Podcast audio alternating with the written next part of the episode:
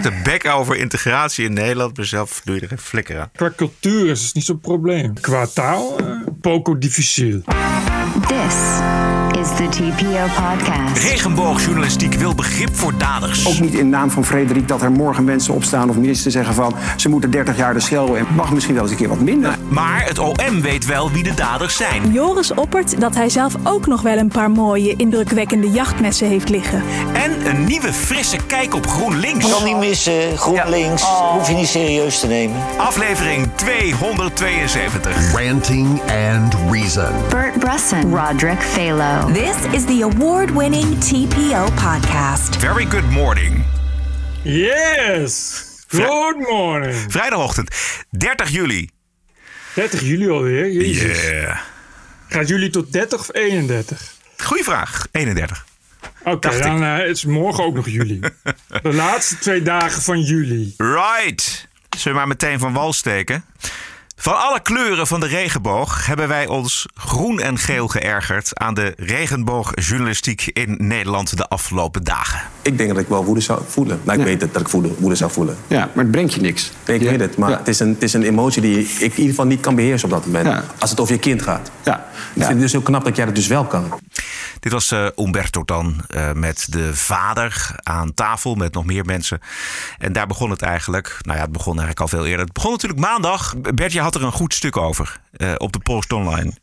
Nou, je gerefereerd aan geen stel, maar ik had eigenlijk al direct toen het gebeurde, dacht ik van nou, dat is wel...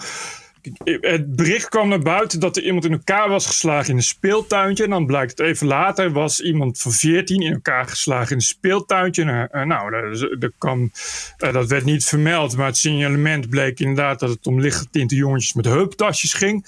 Nou ja, goed, het is een, in, in, eh, in Amstelveen in een speeltuintje iemand van 14 in elkaar geslagen door andere jonge Marokkaantjes. Dus je zou in eerste instantie denken, ja, dat gebeurt wel eens. Dat is een ruzie als 14 jaar. Of het zijn gewoon inderdaad weer eens kutmarokkaantjes die zomaar iemand in elkaar hebben geslagen.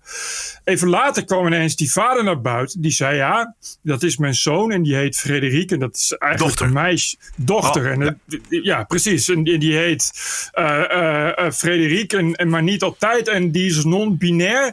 Eh, en die is in elkaar geslagen omdat ze die jongens hadden gevraagd van welk geslacht ze was. En toen ze dat niet wilde zeggen, het is dan heel dapper dat ze het niet zeggen, is in elkaar geslagen.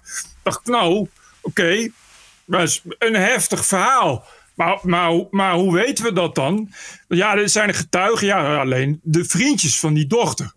Dus je zou denken, nou, dat is dan iets wat de politie moet uitzoeken. Maar uit het niets kwam een, een, een regenboogexplosie van eenhoorns en elfen over daalde neer over de normaal zo kritische media. Die zonder ook maar het minste spoortje van vraag of kritiek overnamen dat een 14-jarige op basis van haar non-binaire genderidentiteit in elkaar was geslagen. En ik dacht, nou, dat is nogal wat. Als je daar verder geen, geen bewijzen voor hebt. Ik zou die vader niet op zijn woord geloven. Vervolgens eh, hield het niet meer op. Het was bijna alsof, ja, een soort, soort alsof al die redacties samen aan het, aan het ejaculeren waren en niet meer konden stoppen met regenboogjournalistiek. Want die vader die kwam vervolgens overal volop in beeld. Waarop hij kritiekloos kon vertellen. Nou ja, hoe dapper zijn, zijn dochter zoon wel niet was. En dat hij toch vooral geen straf wilde voor de daders. En dat we vooral tolerant moeten zijn. En dat het er vooral om ging om eh, dat iedereen moet kunnen zijn wie die wilde. En het hield maar niet op. Vervolgens kwam die vader bij eh, Umberto Tan. En dan denk je, daar zit een hele redactie achter. Daar werken wel meer dan drie mensen, zal ik maar zeggen. Dan kijk je ook even van, nou ja, die vader vertelt alleen dat verhaal. Wie, wie is die vader? En als je dan gaat zoeken naar die vader... Dat is niet zo'n best verhaal. Die vader is toch niet zo heel lang geleden veroordeeld. Onder andere voor het bezit van een vuurwapen. Met een geluidsdemper. En patronen. En een stroomstootwapen. Wat gewoon in zijn huis lag. En dan denk je toch, dan zoek je toch verder. Dan ga je als redactie ga je toch denken van, wacht eens even, klopt dit verhaal wel? Is dit niet iemand die bijvoorbeeld wel heel makkelijk zijn 14-jarige kind uitbuit om eens even lekker weer in de aandacht te komen? Ja, precies. Het doet allemaal niks af aan de ellende die Frederik, zijn dochter, heeft meegemaakt. En, en, en dat voorval, die mishandeling, die zware mishandeling. Laat nog eventjes naar die vader luisteren bij Umberto. Het gaat hier over tolerantie. Hè? Dus tolerantie, dat heeft Frederik fantastisch geuit. heeft ze heel goed voorgestaan. Maar tolerantie zit aan twee kanten. Want ik zie op LinkedIn en op sociale media voorbij komen... van ja, ik hoop dat hij jarenlange gevangenisstraf krijgt. Dat is ook een vorm van intolerantie die niet goed is. Ja, het wordt enorm breed uitgesmeerd. Het gaat dan over tolerantie. Het gaat over algemene ontwikkelingen in de samenleving. Parool zegt dan, uh, die heeft dan natuurlijk een onderzoeker genderstudies, die komt op de proppen met dat biologieleraren uh, alleen maar spreken over jongens en meisjes en dat uh, televisiepersoonlijkheden als René van der Grijpen grappen maken over transpersonen en dat dat dus allemaal aan de basis ligt van wat Frederik is overkomen. Geweld, dat, dus biologieleraren, dat moet je je even voorstellen wat daar wordt gezegd. Hè? Dus biologieleraren die vasthouden aan de biologische feiten feite man en vrouw. Dat mensen worden geboren, dat stond er letterlijk, dat mensen worden geboren als man en vrouw. Dat leidt tot, tot geweld tegen minderheden. Ja. En dat is het, de, de totale treurigheid die we de afgelopen dagen hebben gezien. Het gaat vooral niet over de groep Marokkanen. Het gaat niet over en, en dat weten we officieel ook niet. Ik heb me ook geërgerd aan de politie, want er waren getuigen van deze mishandeling. En de politie komt in het signalement niet verder dan een leeftijd en kleding. En houdt dus achter andere uiterlijke kenmerken die kunnen helpen bij het opsporen en het oplossen van dit misdrijf. Precies, maar, maar, en, maar we weten dus verder niks over dit misdrijf. Luister eens, er worden elke dag worden 14-jarigen in elkaar geslagen, al dan niet door Marokkaantjes. Uh, maar daarvan komt de vader ook niet op tv. Uh, en daarvan zeggen de, uh, de normaal zo kritische en moralistische journalisten: nou, nou, je mag niet zomaar oordelen. Laten we afwachten wat er gebeurt. Dus het gaat tenslotte om een 14-jarige, weet je wel. en dat is in dit geval niet. Ineens is, oh, het is vanwege de non-binaire genderidentiteit. Terwijl ik denk. Nou, een kind van 14 dat zich non-binair noemt, ik vind dat nogal wat. Dat ik, ik zou daar wel even iets meer van willen weten voordat ik daar zo vol uh, boven op de kar spring. Om daar uh, al, die, al die jarenlang, kennelijk jarenlang opgekropte regenboogjournalistiek overheen te sproeien.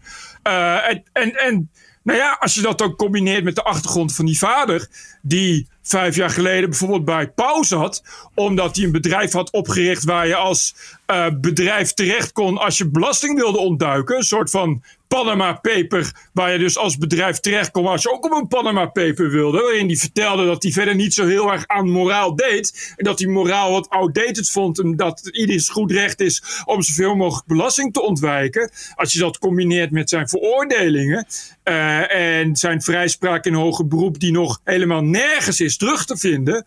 Uh, en als je dat combineert met wat er verder over hem online te vinden is, zou je als journalist, en echt elke journalist, daar toch ietsjes gas terug moeten nemen. Precies. En onder andere, uh, want hij zegt dan in die uitzending van Umberto, heeft hij, zegt iemand ook van, ja, maar wacht even, op LinkedIn heb jij gezegd, kom maar op, lafaards. En dan vervolgens gaat hij zich excuseren voordat hij dat woord lafaards heeft genoemd. En gaat hij helemaal op de tour van uh, de tolerantie en dat het allemaal zo geweldig is. En dat, uh, hij verklaart zijn eigen dochter bijna Jezus.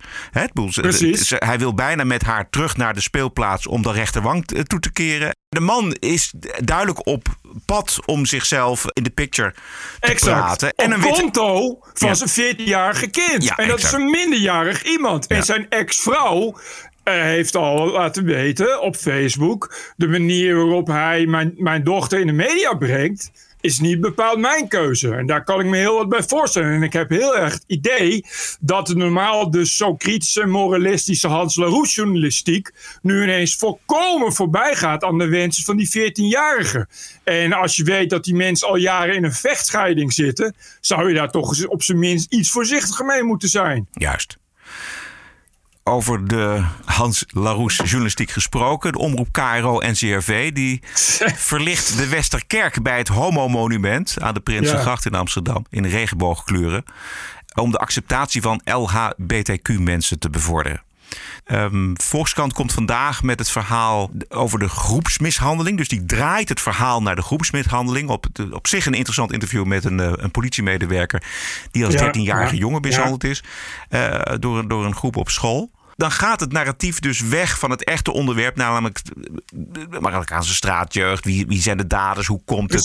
Kunnen we nou eens een keer stoppen met dat geweld tegen homo's en andere mensen uit die gemeenschap? Dus het draait allemaal weg. Het punt is dat geen stijl daar het enige in is. En dan denk ik van ja, weet je, dat diezelfde journalistiek die als een kind gaat liggen jammeren als geen stijl weer eens iets doet. Uh, heeft veroorzaakt dat zelf de noodzaak van een geen stijl is kennelijk vrij hoog. Ja. Dat is de enige die dat doet. En dat is, dat is toch niet best dat je een land hebt met inclusief zwaar gesubsidieerde kwaliteitsjournalistiek.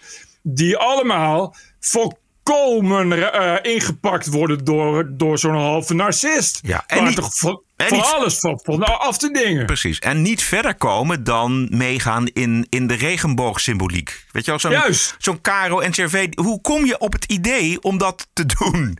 Hè? Dat, is, dat is die KRO-NCV, het is ook uh, dat, dat zijn twee, een katholieke en een protestantse omroep. Dat is heel raar dat die nu ineens zo vuistdiep in de regenboogjournalistiek zitten. Ja. Dat heeft dat, dat is de mensen die, en het zijn 90% bejaarden, die lid zijn van die omroep. En waar dat soort omroepen dus nog steeds heel veel geld vandaan krijgen. En vinden dat ze hun mandaat vandaan moeten halen, hebben volgens mij helemaal niks met regenboogdingen. Dat is een, een soort marketingvehikel wat, is, wat is opgespannen voor, voor verbinding en, en andere kwijlerige shit. Terwijl het slaat gewoon helemaal nergens op. Het heeft helemaal niets, niets te maken met, met, met, uh, met, met christelijke omroepen. De bedenker van het initiatief is Klaas van Kruistum.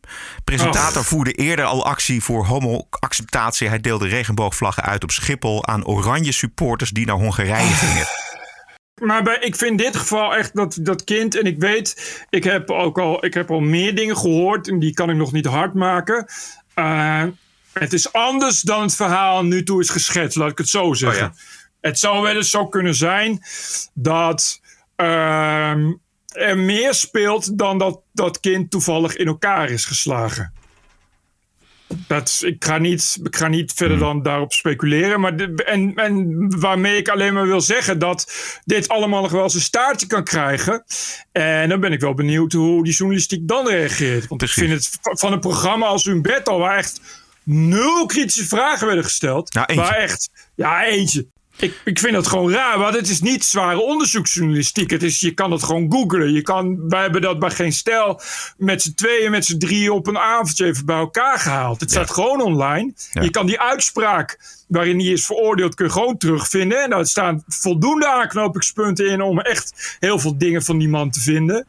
Maar dat is, Ja. bedoel... Nou, dat, dat is die vader. Maar wa- waar, waar ik zelf heel veel behoefte aan heb als zoiets gebeurt en groot in de media komt, is dat er journalisten natuurlijk gaan, gaan kijken wat daar precies gebeurd is. Dus die moeten Precies. die politiegek bellen en vragen wat is hier eh, precies en wie waren de daders, Ja. et cetera. Precies. Daar moet het over gaan. Het is ook alleen die vader hè, die dat vertelt. Die zegt, ja, mijn dochter is in elkaar geslagen... Om, omdat ze niet wilde zeggen welk geslacht ze was. En mijn dochter is non-binair. En dan denk ik, ja... Maar het kan dus ook zijn eh, eh, dat die vader, eh, ik noem maar wat, ruzie met iemand heeft. en, en dat het kind in elkaar geslagen is door een kind van een vader waar die vader ruzie mee heeft. Ik weet het niet. Die vader kan wel alles zeggen. Je, je, die journalisten waren daar toch niet bij. Ja. Dus dan is dat toch raar. Dan hou je dat toch in het midden. Dan zeg je toch, ja, oké, jij zegt dat. En ze hebben, weet je, dat kind ook niet echt gevraagd, zou ik maar zeggen.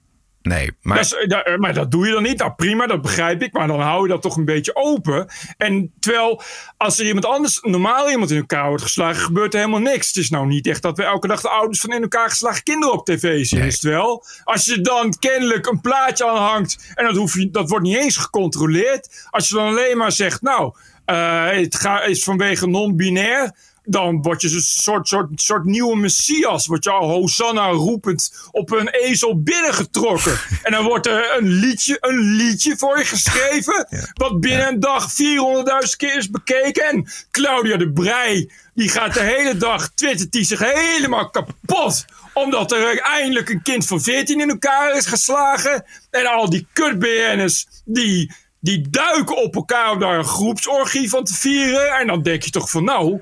het mag toch wel een tandje minder. We zijn toch wel een beetje de weg kwijt. Ja. In, in Nederland met de journalistiek. En als je nou ooit het morele feed van de journalistiek in Nederland wil aantonen, dan moet je op zo'n dag de journalistiek volgen. Want er waren er dus wel geteld echt 0,0. En ik heb het uitgezocht. 0,0 media waar ook dus één kritische vraag werd gesteld, namelijk van hoe zit dit precies? Ja. Ik kan me wel voorstellen dat als je zo'n vader hebt gevonden en hij wil komen in een uitzending en dat je dan gelooft dat een vader het juiste doet en het juiste vertelt over zijn zoon of dochter. Dat, daar, waarom? da- nou, daar, omdat dat ligt voor de hand, omdat het een vader een vader is. Nou, maar dat moet dus niet voor de hand liggen. Dat is dus het hele probleem. Nee, kijk, je, je- dus je, je kan zeggen van nou, ja, dat klopt. Dat klopt. Dus je moet na je blijdschap dat iemand aan tafel wil het verhaal komen vertellen, moet je dus daarna onmiddellijk de volgende stap is eh, de man kritisch ondervragen. Dat is het rare, hè? Eh, op het moment, want dat speelde dus al, al een dag of twee voordat hij in hun bed tan. En Ja. op het moment dat het naar buiten kwam, zag ik eigenlijk op social media en kregen we het ook meteen binnen dat mensen zeiden: daar is iets mis met die vader. En het was ik, eerlijk gezegd. Je hoeft toch geen hoogleraar psychologie te zijn om dat een beetje terug te herkennen in het gedrag van die man. Dat je dacht van, hier staat een man bijna te stralen om het feit dat, dat zijn kind in elkaar is geslagen. Dan Ja. voel je toch al nattigheid. Ja. En ik snap dat je je journalistiek niet hoeft te baseren op onderbuikgevoel, maar dan ga je toch op onderzoek uit. Precies. En je hebt twee en- dagen de tijd om. Heb je de tijd om die man te checken. En, en dat is het minste wat je kunt doen. En dan snap ik dat je, ik snap dat je zegt van ja, waarom zou een vader liegen? Maar dit is ook niet zomaar een vader. Dit is iemand waarvan, dat zeg ik al op eerste gezicht, dat je na vijf seconden naar kijkt en luistert, je denkt van hé, hey, hier is, Ja. dit is niet helemaal Nee. in de haak. Het is Nee, gewoon niet nee. oké. Die ga ik niet, in elk geval voordat ik die ga uitnodigen, wil ik even verder kijken. Ja. En als je dat dus niet doet, als je dus zo'n man niet checkt, dan zie je de, de, de verbazing aan de tafel bij Umberto. Want dat zag je. Je zag dat daar mensen die, die dachten: wat, ik, klopt dit wel? Een van hen was, Precies. was internist Marcel Levy. Maar wat ik ook wel fijn vind, is dat iedereen hier zich zo over opwint. Want dit voelt zo verkeerd. En gelukkig zijn we nog niet zo afgestompt allemaal dat we dit ook... Oh ja, daar heb je er weer een. Nee, we zijn allemaal boos. Wij zijn wel boos. Wij zijn wel boos. Want hij had net gezegd: ja, ik ben niet boos. Ik voel geen boosheid. En dat, dat klopt ook niet. Ik, eh, want die Frederik kan dan zeggen: van nou, ik heb medelijden met de daders en ik voel geen boosheid. Maar als vader.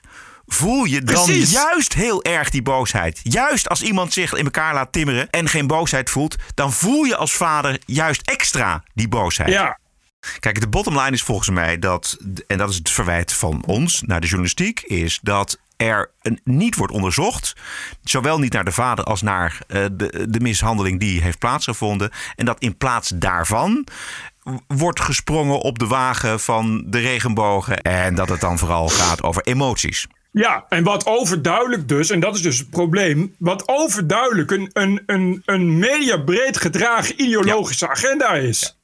Want ik zag ook gisteren weer in het AD ineens een interview met, met een volstrekt onbekend kind, wat ook non-binair is. Ja. En ik krijg een ui- uitgebreide interviews met Ja. non-binaire kinderen. Hoe is dat eigenlijk om Ja. non-binair te zijn? En dan denk je, hè, dat heeft toch nul nieuwswaarde? Maar als je, gaat, als je stel dat je gaat vergelijken, stel hè, als je zegt, en ik vind het niet zo heel raar dat dit, dit soort, dit soort gendergedram een soort nieuwe religie is. En je stel dat je dat vergelijkt met Jezus, dan begrijp je ineens, weet je, als dat je nieuwe religie is, dan ga je daar de hele tijd over publiceren. Maar als je een christelijke krant er heeft, Motorisch Dagblad, ja, dan staat elke dag vol met psalmen. en over, over de gratie gods. Ja. Ja, dat is niet zo raar. Dus, dus het is niet zo heel raar om te denken dat een hoop journalistiek, om niet te zeggen bijna alle journalistiek in Nederland, wel heel erg vuistdiep in, in dat soort gender, genderideologie is gedoken. Maar goed dat er geen stijl er is. En goed dat er nog mensen zijn die dat aan de kaak stellen. En dan maar een Ja. clash met de collega's. Maar eh, dit Nou, die clash met de collega's maakt niet uit. Maar dat, Ja. ik, ik, vind het, ik vind het opmerkelijk. En volgens mij, ik vind dat daar wel ook eens dan... Nou ja, dan naar bijvoorbeeld zo'n ombudsman van de NPO... eh, die mag wel eens kijken dan. Die mag ook wel eens tegen de NOS zeggen van... Luister NOS, het is wel raar dat jullie daar ook zo in meegaan. Want bij de NOS waren ook ineens heel veel filmpjes met die vader... en daarna artikelen met eenzijdige verhalen... van zogenaamde eh sociaalwetenschappers... die vertellen hoe belangrijk genderidentiteit is en dat soort dingen. Denk, dan denk ik van, dit is een gesubsidieerde omroep. Daar is wel een verschil met, met particuliere kranten uh, of, of het commerciële Humberto Tan. Ja. Ander onderwerp? Ja, wat een mooi begin van de ochtend. Ja. Ander onderwerp, enigszins gerelateerd. The award-winning TPO podcast. Het Openbaar Ministerie heeft namelijk bezwaar gemaakt tegen het publiceren van de namen en foto's van de Gooise kopschoppers en hun meelopers en wegkijkers. Geen stijl, onder andere publiceerde de namen en de foto's. En er gaan ook geruchten dat er sprake zou zijn van uh, ja, online van klasjustitie natuurlijk. Rijke ouders regelen topadvocaten die het proces in Nederland regelen. In plaats van Spanje, dus lagere straffen.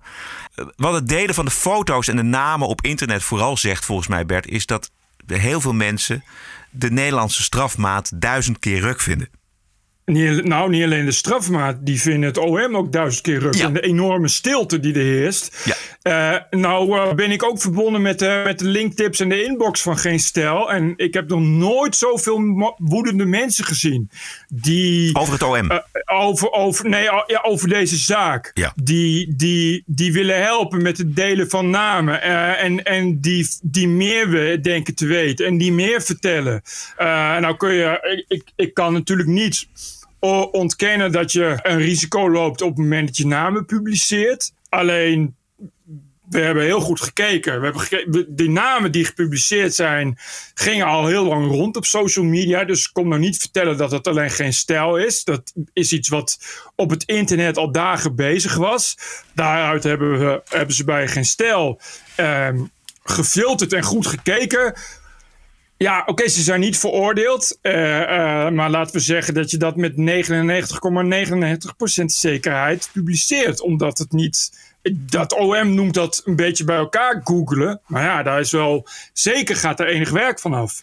Maar wat ik bedoel te zeggen is dat dat een noodzaak heeft, omdat mensen er anders helemaal gek van worden. Die zeggen: waarom horen we niks? En waarom komen er in e-, eerst in eerste instantie allemaal deskundigen die zeggen: nee hoor, ze gaan in Spanje veroordeeld worden. Want het is uitzonderlijk dat ze niet worden uitgeleverd. En ineens, pats. Zonder dat je iets hoort, zonder dat je iets weet, wordt er gezegd: oh, nee, ze worden toch in Nederland veroordeeld bijvoorbeeld in een land als Engeland is daar een, een hele andere journalistieke cultuur. Weet je, als, als daar mensen worden voorgeleid en nog niet zijn veroordeeld, dan worden ze wel in vol ornaat afgedrukt uh, in de kranten. Wat mij ook uh, stoorde was dat het Openbaar Ministerie geen mankracht heeft om Johan Derksen te beveiligen. Ja. Want die wordt bedreigd. Maar er is dus wel mankracht om die verdachte kopschoppers uit het gooien van ja, beveiliging precies. te voorzien. Weet je, eh, terwijl ja, die worden bedreigd. Nou, het OM komt dan van. Er werd eerst kwam het OM van. Ja, er wordt een medewerker van het OM bedreigd, een officier van justitie. En daar ben ik het verder ook niet mee eens. Want die vrouw heeft toevallig dezelfde achternaam als, als een van de verdachten. Ja. En, en er zijn een hoop gekken, en dat zie ik ook gebeuren, die sturen dat dan naar ons in. Die zeggen, ja, dit is de moeder van de verdachte. en dan mail je ook terug en dan zeg je, ja, hoe weet je dan dat het moeder is? Ja, hij heeft dezelfde achternaam. Ja. Oei, maar goed, dat, dat, ik, ik heb geen stel dat niet zien publiceren. En, en, dan is het, ja, nee, we moeten nu ook beveiliging regelen voor de verdachte. Dan denk ik, ja, ik, ik, oké.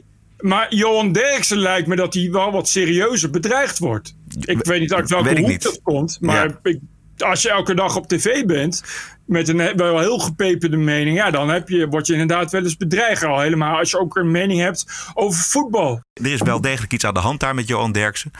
En eh, tegelijkertijd zegt hij dus inderdaad van het OM heeft uh, verder geen mankracht om, mij, uh, om daar iets aan te doen. Maar als het om deze kopschoppers uit het gooi gaat, dan heeft het OM blijkbaar dan wel uh, mankracht. Nee, ja, precies. Maar kijk, dat, dan, als het daarover gaat, dan komt het OM met een uitgebreid apart persbericht. En ik zag dat zelfs het NRC er een beetje lacherig over deed. Je moest wel een beetje tussen de regels doorlezen, maar het was vrij duidelijk dat ook NRC dacht van het is wel heel raar of raar, het is wel een beetje hysterisch hoe het OM hier reageert. het komt ook een beetje omdat het OM helemaal geen tempo maakt, helemaal in het begin van deze zaak, om er uh, tegenaan te gaan. Terwijl er uh, gewoon een Nederlandse staatsburger vermoord is om het leven gebracht is. De verdachten zijn in Nederland.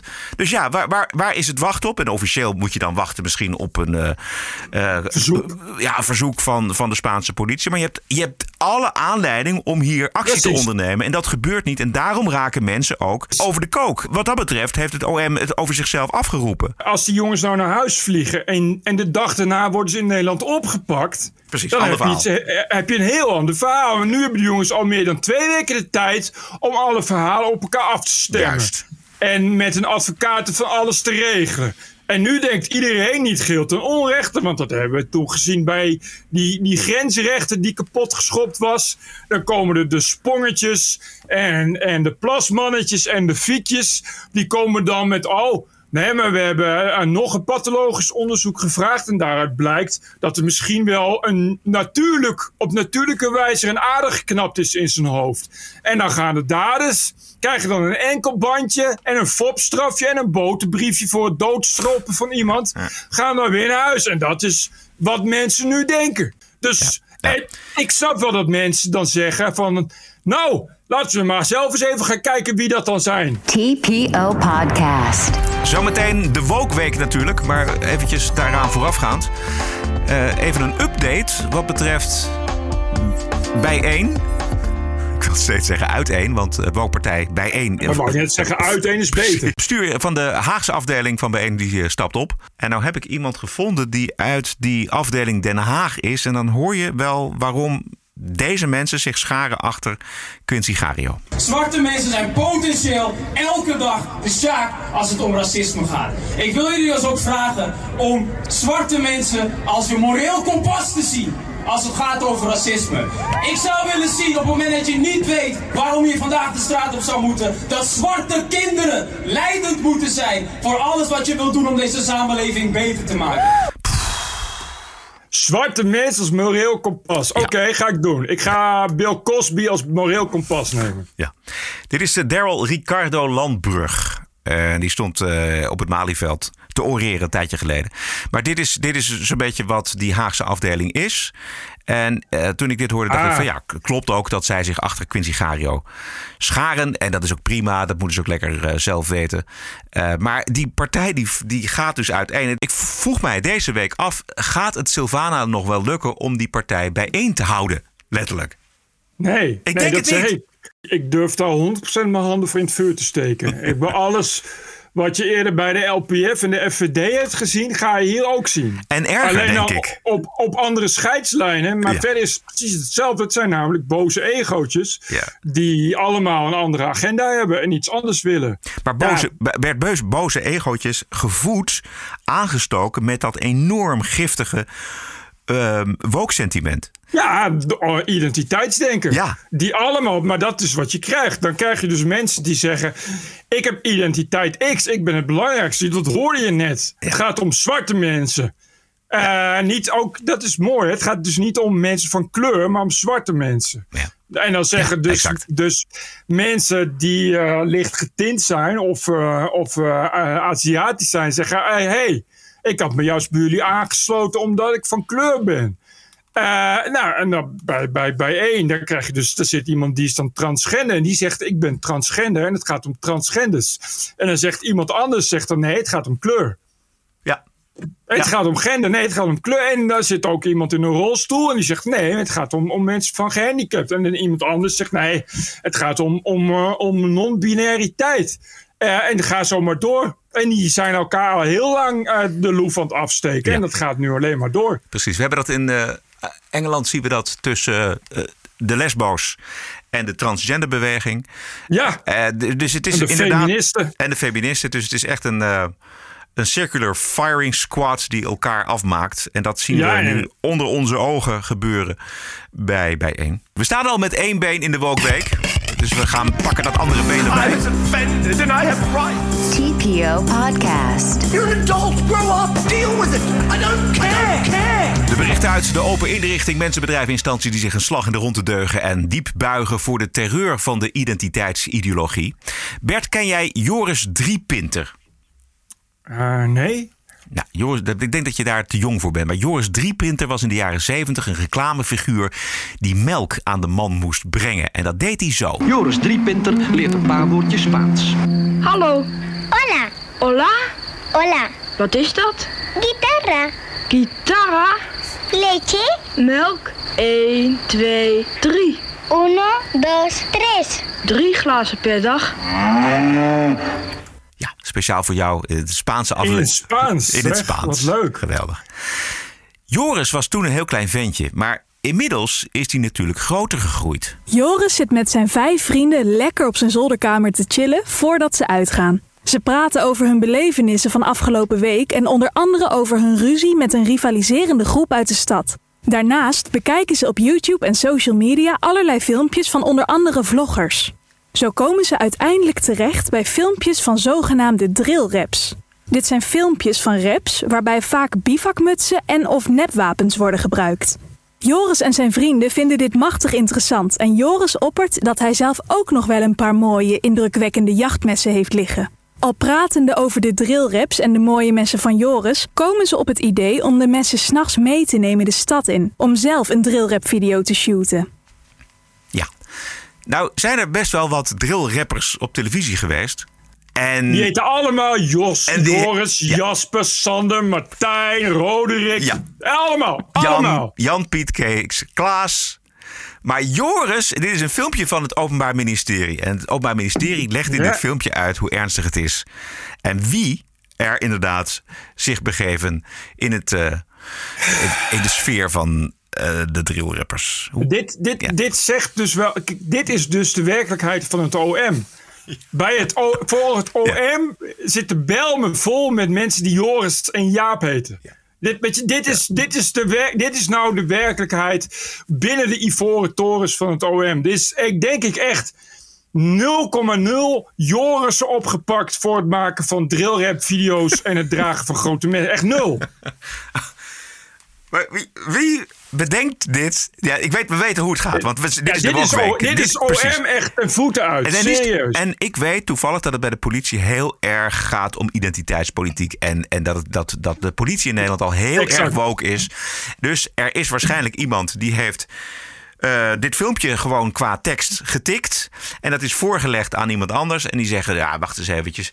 Die namen die moeten we niet doen. We pakken een Nederlandse naam. We pakken Joris. Eerst was de keuze tussen, tussen Rashid en Jacqueline. exact. Eh, en toen ging dat naar de sensitivity reader. Ja, en die ze zei nee, nee, Ja. Dit, eh, ja, dit is wel waar. Maar dan is het stigmatiserend. Ja. Maar als je het Joris noemt, dan is het niet stigmatiserend voor mensen die Joris heten. Op de een of andere manier. Dus laten we dat dan maar doen. Oh, wat is toch doorzichtig. Eh, er zijn nogal wat woke-types die de bel wel horen, maar de klepel nergens kunnen vinden. GroenLinks-Kamerlid Tom van der Lee is zo iemand. Hij dacht dat de NOS voorrang gaf aan een wedstrijd van de hockeymannen boven een wedstrijd van de hockeydames. Dus de dames niet uitzenden en de heren wel. Maar de dames die hadden zich al geplaatst en de heren nog niet. Dus die wedstrijd van de hockeyheren was veel en veel spannender dan die van de hockeydames. Dus eh, de keuze van de NOS was volstrekt logisch. En dat vonden ze ook bij de Oranje Zomer. De NOS koos er vanmiddag voor om niet de, de, de Oranje Dames te laten zien, de Leeuwinnen, maar de hockeyheren. Ja. Omdat die zich dan moesten kwalificeren. Dat leidde ertoe dat GroenLinks-Kamerlid Tom van der Lee zei van, eh, dat de NOS zich weer van zijn geëmancipeerde kant liet zien. daar word je toch Kan niet missen. GroenLinks. Hoef je niet serieus te nemen. Nee, gewoon overheen Nee. fietsen, niks aan de hand. Nee. Maar ik Alleen het nou is. Klaver wil zo graag minister worden dat hij nou even een paar maanden zijn bek houdt. Maar anders hebben ze nooit wat, eh, wat zinvols te melden van GroenLinks. Maar jij kan je erover opwinden, begrijp ik. Nou, ik irriteer me er een beetje aan dat elke keer die kaart wordt getrokken. Of het is seksisme of discriminatie. Terwijl het een hartstikke logische keuze is. Want die vrouwen die waren natuurlijk al klaar. Ja. En dan denk ik, ja, als je nou elke keer die kaart gaat trekken... dan zet je eigenlijk iedereen voor schut. Want dan houd je het maar in stand. Al dus Helene Hendricks. Ja, ik vond het zowel van Hendricks als van Derksen geweldige uitspraken. Ja. Eh, Die Helene Hendricks heeft zich, dat is, dat is een sportpresentatrice die, die, die, laten we zeggen, op en top vrouwelijk is. En die zich eh, nou, in een door testosteron gedreven wereld eh, beweegt elke dag. En er is geen interview waarin ze dus allemaal van dat soort vragen krijgen. Van hoe is het om als vrouw daar te werken? En word je niet seksistisch behandeld? En vind je dat niet kwetsend? En zij zegt eigenlijk al jaren van misschien moeten jullie dus iets minder gevoelig zijn. Weet je, ik bedoel, ik bedoel natuurlijk, eh, natuurlijk eh, zijn er wel eens eh, mannen die wat proberen, maar ik kan gewoon iets terugzeggen. Ik kan gewoon van me afbijten. En, en inderdaad, Derksen, ja, die heeft bij het eind GroenLinks, dat zou ik gewoon ophouden met serieus nemen. Ja, gaan we doen vanaf dit moment. Ik zag nog een update in de Ben Jerry's boycott van Israëlische settlements. Oh ja? Ja, dat was een. ehm, wat de grondleggers van dat ijsmerk, dat zijn de Ben Joods- Jerry. Precies, dat zijn de Joodse Amerikanen Bennett Cohen en Jerry Greenfield. En zij voelden zich toch blijkbaar heel erg ongemakkelijk bij die, Ja, die boycott. En zij hebben namelijk helemaal niks meer te zeggen over dat bedrijf eigenlijk. Ze zijn de founders, maar verder rest is het is een aparte, een andere board, een ander bestuur. En die bepalen dit allemaal. Wat, wat ik las was inderdaad dat, dat ze zich ongemakkelijk voelen bij de beslissingen van Unilever. Precies. En ze, ze hebben een opiniestuk in de, in de New York Times geschreven. Oh en, ja? Ja, ja, ja. De, de woke activisten van Ben Jerry's eigenlijk wilden... was gewoon een totale boycott van Israël. Jezus. Ja. En, en dan zijn ze zelf Joods. Nee, dit, dus die, die oprichters die staan niet meer, die zijn niet meer in het bestuur. Maar, maar dus in dat bestuur zitten wel allemaal woke types die dit graag willen. De bestuursvoorzitter van dat bedrijf die heeft gezegd dat gaan we niet doen. En denk ik ook in overleg met deze twee Joodse founders. Plus dat Unilever hier is voor gaan liggen. Die zei jullie mogen actie voeren wat je willen, maar heel Israël in de boycott daar gaan wij niet mee akkoord. Maar, maar wat vinden Ben en Jerry daar zelf van? Wilde, want die, zijn toch niet, die waren toch niet voor een boycott van heel Israël, of wel? Nee, die zijn daar ook niet voor. Ik wist niet dat ze Joods waren, maar dat geeft Ja. toch wel een andere, andere dynamiek Ja, aan die zaak. Dat Ja. je daar ja. dan dus niks meer over hebt te zeggen en dan kom je daar dus in terecht. Ja. En voor je het weet wordt je ijsmerk van antisemitisme beschuldigd. Precies, ja. Dan ben je zelf Joods als oprichter. Ja, ja, ja. Hoe bizar kan het worden? Ja, reken maar dat die gasten, die founders, daarop aangesproken zijn door Ja. de Joodse gemeenschap in eh, Amerika. Ik had er nog eentje. Heb jij nog die, eh, dat artikel van Wall Street Journal? Ja, Want dit- precies, Die kreeg, die kreeg ik ook gelinkt, Tip. Dat is Ja. wel inderdaad leuk. Ja, dat is een mooi stuk in de Wall Street Journal. Maandag, The Revolt of the Unwoke. Drie progressieve schoolbesturen in San Francisco... die door ouders ter verantwoording worden geroepen. Een deel van de ouders is van Aziatische komaf. Die kinderen komen uit hardwerkende gezinnen. Doen het heel goed op school en op de universiteit... maar vallen steeds vaker buiten de boot in naam van gelijkheid en diversiteit. Oftewel, voor hen is er geen plaats... omdat er genoeg zwarte en Latino's moeten worden toegelaten.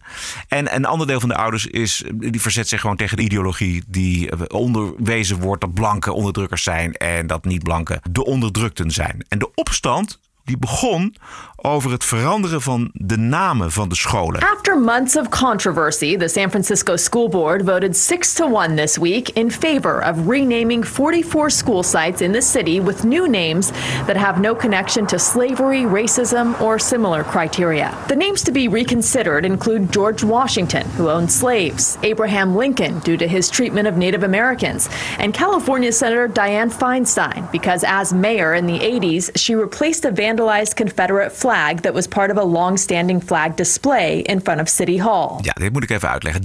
Diane, Feinstein. Dit is het progressieve boegbeeld van de Democratische Partij. Ze is 88, inmiddels leeft nog steeds. Maar niet woke genoeg voor de woke mop. omdat zij in de jaren 80 een vlag van de Confederatie, dus het zuiden, ten tijde van de Amerikaanse burgeroorlog. Die vlag die was in de jaren 80 een vast onderdeel van het gemeentehuis. Die vlag was Ja. kapot gemaakt. En Diane Ja. Feinstein, die toen burgemeester was, die heeft die kapotte vlag vervangen door een nieuwe. Hè, dat zou je ook In die, in, die, in de jaren tachtig, In de ja, precies, in de ja. jaren 80. Had niet mogen gebeuren volgens de tot woke gemaakten. Eh, Ik, ik las ook dat ze hadden ook eh, een school die heette Alamo. En Alamo, eh, dat heeft te maken met, met, de, met de Texaanse onafhankelijkheidsstrijd bij, tegen, tegen Mexico, heel vroeger in Amerika. Ja. Dus, dus die hadden ze ook verwijderd, want dat was natuurlijk ook racisme. Maar dat bleek dat die school heette Alamo. Dat was gewoon de naam van de oprichter. Had helemaal niks met, dat, met die historische gebeurtenis te maken. Dus ze hebben rukzichtloos, hebben ze gewoon eh, namen hebben ze gecanceld zonder überhaupt te kijken wat die namen betekenen. Alles wat misschien ook maar een beetje, een beetje eh, anti-woke zou zijn, hoppakee. Gewoon, gewoon censureren. Precies, ik geloof ook dat ze de twee Roosevelts uit- door elkaar hadden gehaald. Ja, ja, ja, ja, dat is ook zo'n ding. Ja. Wat al heel lang, wat al heel lang ook eh, een probleem zorgt in de woke gemeenschap. Maar wat zo grappig is, Bert, de- eh, vanwege die naamsverandering zie je dus steeds meer leerlingen die uit verzet sweatshirts dragen met namen van George Washington en Thomas Jefferson. Some parents argued that current names mean students are wearing school sweatshirts with the names of slave owners, including Washington, Thomas Jefferson, and James Madison. Daar kon je op Mooi? Ja, dat vond ik En heel grappig. En, maar en wat ik las, was, wat echt stuitend was, inderdaad, was nou, de, eh, veel eh, eh, eh, kinderen van Aziatische afkomst. Ja, die zijn dan goed in, in wiskunde en dat soort dingen, hè, dat weten we. Eh, en die, die bereiken dat door hard te werken. Negens en tienen, nou, die mogen dan naar, naar eh, extra, extra curriculum en een goede school. En dat wordt dan afgeschaft, want eh, ja, we gaan niet meer op, op merites beoordelen. We gaan op huidskleur beoordelen. Ja. En, en wat je dan krijgt, is dat iets wat al heel divers was. Want eh blanke en, en mensen van Aziatische afkomst is niet divers genoeg. Want het is pas divers als het, als het zwarte zijn. Precies. En terwijl die zwarte daar niet. Die hebben daar helemaal niet cijfers voor. Dan krijg je kinderen die helemaal geen wiskunde kunnen. Die moeten dan eh, wiskunde gaan studeren omdat ze zwart zijn. Maar die, die Aziatische Amerikanen die zijn, die zijn heel lastig voor de wokies. Want dat, dit is natuurlijk een minderheid, ook een minderheid, die ook te maken heeft met discriminatie, maar wel heel erg goed presteert. Dus dat is geen, het is geen excuus om niet goed te presteren. En ze halen dus eigenlijk die hele critical race theory onderuit. Critical race theory asserts that the world in America is divided into a racial caste system whites on the top, blacks on the bottom, but they have no idea what to do with Asian Americans because Asian Americans are a minority. You know, they have been discriminated against in this country, and yet they succeed and they achieve. Juist. Ja, en als er nou één voorbeeld is van hoe, eh, eh, ja, hoe, je, hoe je op merites moet beoordelen, dan is dat wel de, de, de Aziatische eh, samenleving in, in het Westen, in, in Amerika, ook in Nederland overigens. Weet je, hard, hard werken, veel doen en, en, en veel investeren, dan kom je ergens. Exact. Dit is Kenny Xu. Hij is een Aziatische Amerikaan die daar een boek over geschreven heeft. Ze presteren gewoon heel erg goed. En waar ligt dat nou aan? It has to do with culture. You know, Asian Americans study twice as many hours as the average American. Today, we always talk about the Tiger Mother. You know, that was Amy Chua's fa- uh, famous book. Um, but it's not just tiger mother parenting, it's also strong two parent family structures. It's a strong value on education. It's a love for hard work. It's a love for hard work. Yep.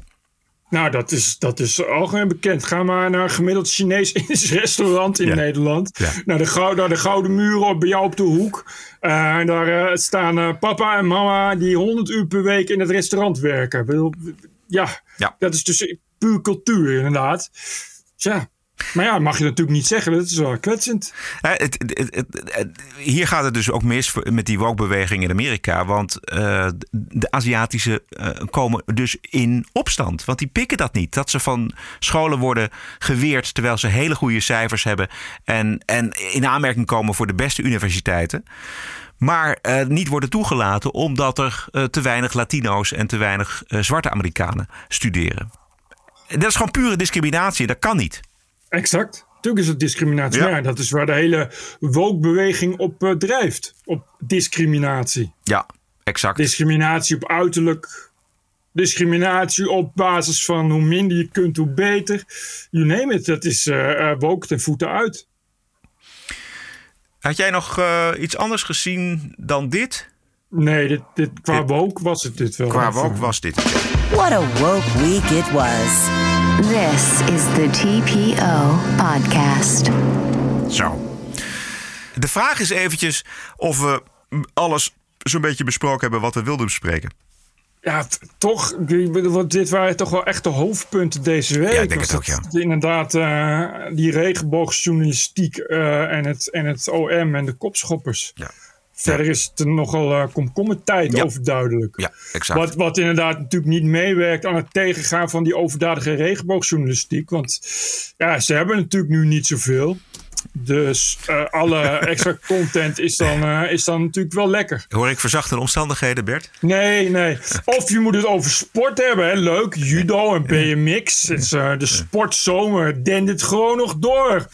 De laatste Olympische Spelen die ik heel erg van nabij heb meegemaakt... is die van 1976 in Montreal. Jezus Christus. En waarom? Omdat daar Nadia Comaneci eh, als turnster optrad. En ik was helemaal verliefd op Nadia Comaneci. Net als iedereen, want het was nou ja, de eerste turnster uit het Oostblok. En sowieso ter wereld die alleen maar tienen eh, behaalde. Die, had die was zo goed. Heb jij die van eh, München nog meegemaakt? Ja, die 72. aanslagen? Ja, zeker. Ja, ja, ja. Jezus. Ja, dat was heftig. Ja, ging ook gewoon door. nog niet geboren, ja, maar- daar is een fantastische documentaire over eh, Bert, volgens mij. Misschien nog wel, nou, kijk even op Netflix of die te vinden is, of anders op YouTube, wat dan ook. Maar dat gaat over, dit dat is een documentaire die is eh, gemaakt volgens mij nog niet zo heel erg lang geleden. En daar stellen ze de, de, de belangrijkste vraag, namelijk twee belangrijke vragen. Hoe kon het dat die Palestijnse terroristen terecht konden in die appartementen waar eh Ja, Joodse sporters ja. zaten? En dat kwam, dat was eigenlijk een beetje een, een woke-gedachte. Namelijk, we, we moeten laten zien als Duitsland dat we eh, Och, Jezus. eh, open en vrij zijn en dat iedereen bij elkaar kan terechtkomen. Dat was het idee. En de tweede belangrijke vraag is natuurlijk: waarom zijn die Olympische Spelen na de aanslag op die atleten doorgegaan? Ja, Want dit, en? ja, het antwoord was dat de prestige voor Duitsland in 1972 om die Olympische Spelen te organiseren, die was eh, doorslaggevend. Dus het moest en zou een succes worden. Want het was voor, voor- eigenlijk voor Duitsland na 19. Wat was het, 33? De eerste keer weer dat ze Ja, een, een, een Olympische Spelen mochten organiseren. Dus het afblazen was out of the question. Onvoorstelbaar. Tering, man. Het was nog geen 30 jaar na de oorlog, dus ja. Ja, exact. Dat, eh, hij heet Het Bloedbad van München. Oké, nou dan eh, eh, gaan wij het weekend in. Ja, en vergeet niet te doneren. Precies. Daar leven wij van, van donaties. Juist. En zo, zo kunnen wij onafhankelijk blijven. Hoeven we niet mee te huilen met de regenboogjournalistiek. En hoeven we geen commercials uit te zetten. Worden en wij niet nagejaagd door mensen die dan weer onze adverteerders eh, proberen te cancelen. Onze podcast is te vinden op onder meer Spotify, Apple Podcast, iTunes en ook op tpopodcast.nl natuurlijk. Zeer veel dank voor de ondersteuning. Ehm, de mensen die gedoneerd hebben, ook die anoniem gedoneerd hebben of die gewoon iedere maand of iedere week hun bedrag automatisch laten afschrijven van hun rekening. Geweldig bedankt voor de ondersteuning van deze aflevering 272. Wilt u schrijven? Dat kan naar info.tpo.nl. En we zijn terug aanstaande dinsdag. Stay cool en... Tot dinsdag! TPO Podcast. Bert Bruson, Roderick Balo, Ranting and Reason.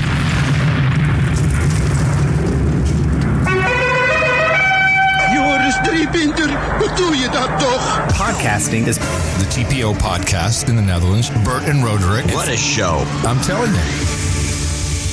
Dit is de TPO-podcast. Een eigenzinnige kijk op het nieuws en de nieuwsmedia. Twee keer per week, elke dinsdag en elke vrijdag. 100% onafhankelijk, want zonder reclame en zonder een cent subsidie. The award-winning TPO podcast. Wat is het jou waard? Een euro per aflevering? 104 euro per jaar? Of kies zelf een bedrag. Waardeer en doneer op tpo.nl slash podcast. De TPO-podcast. Wat is het je waard? Keep the show running. Go to tpo.nl slash podcast. Thank you.